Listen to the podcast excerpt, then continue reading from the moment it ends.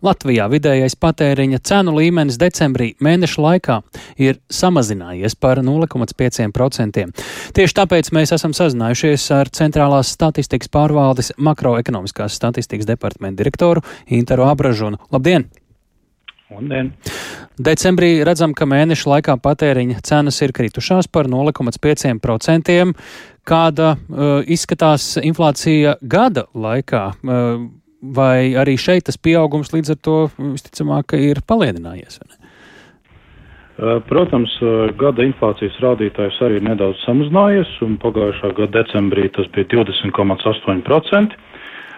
Tas ir pa vienu procentu punktu mazāk kā bija novembra mēnesī, bet nu, mums joprojām ir seši mēneši pēc kārtas, kuru gada inflācijas rādītājs ir pārsniedzis 20%. Ja paskatāmies uz to, kad mums pēdējo reizi iepriekš Latvijā bija mēneša inflācija, kur kopējais patēriņa cenu, kritum, kopējais patēriņa cenu līmenis samazinājās, nevis pieauga, kad tas bija?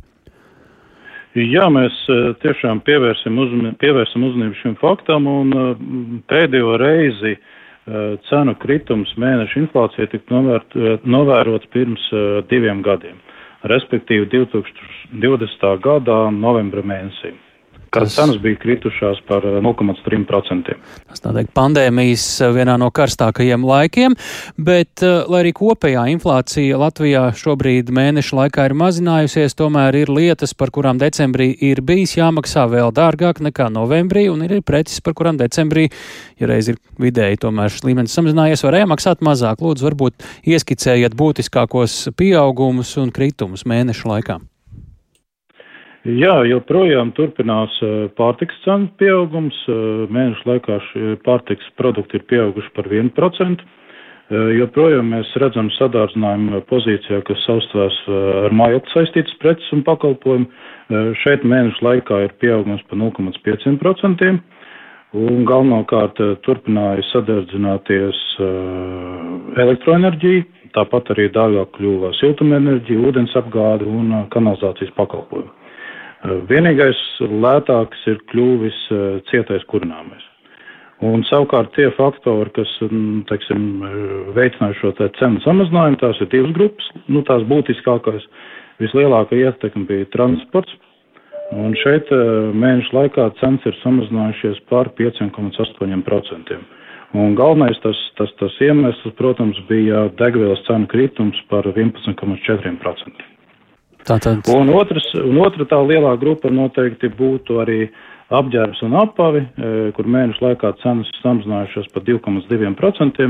Te gan būtu jāmin, ka tas ir, e, teiksim, e, akciju ietekme un šāda, teiksim, parādība ir konstatēta arī iepriekšējos gados, kad decembrī mums apģērbam un apojam ir dažādas akcijas, kur ietekme, protams, cenas ir samazinājušās.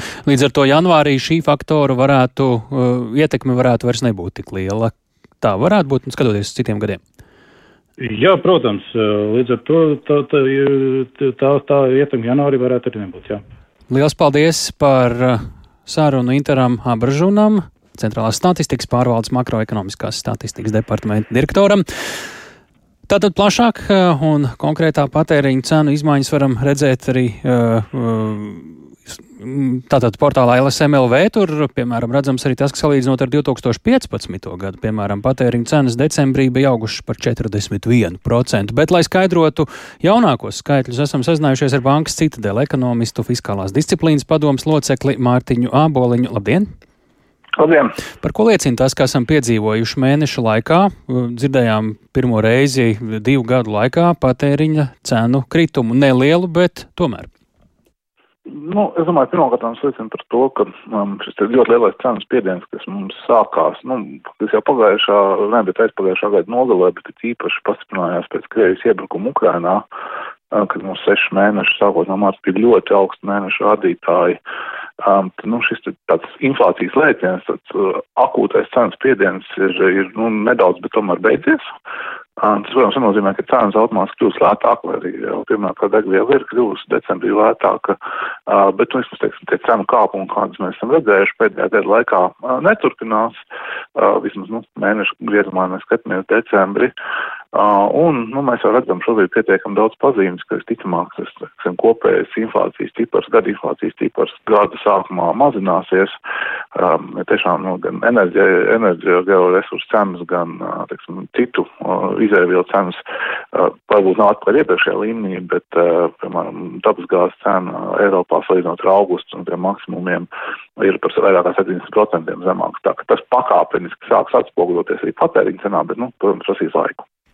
Kuras nozares eh, šo eh, mazo uh, samazinājumu var uztvert kā zināmu attēlpu, un vai vispār te par kaut kādu attēlpu var runāt, jo tās cenas salīdzinot ar iepriekšējo gadu joprojām tāpat ir ļoti augstas daudz kam.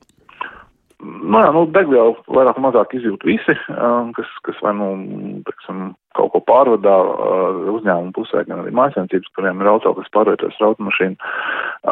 Tad tas tāds pietiekam plaši. plaši. Nu, es domāju, ka, ka nākamais, ko mēs tiešām jutīsim, cerams, vairāk uz, uz gadu otro pusi, varētu arī, lai ciltumēģijas cenas sāk mazināties, jo tiešām tās gāzes cenas bija um, ļoti, ļoti augstas. Bet, nu, pagaidām, teiksim, par tādām kaut kādiem ļoti specifiskiem kritumiem grūti runāt.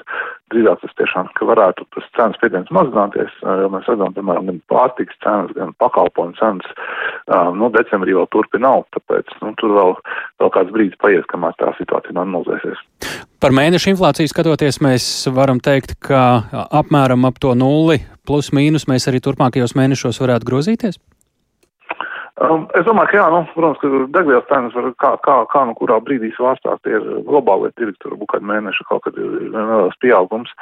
Um, bet mēs redzam, ka, uh, faktiski, siltumnīcas tarifu kāpumi vēl šur tur ir, uh, tiek izziņot, bet, bet tie ir vairāk mazāk beigušies. Uh, un arī pārtiks cenas, mēs skatāmies pasaules pārtiks cenas no pagājušā gada mārta, tas kritums ir ap 17%. Nu, mums parasti kaut kāds pusgads paiet, kamēr šīs tendences atnāk pie mums.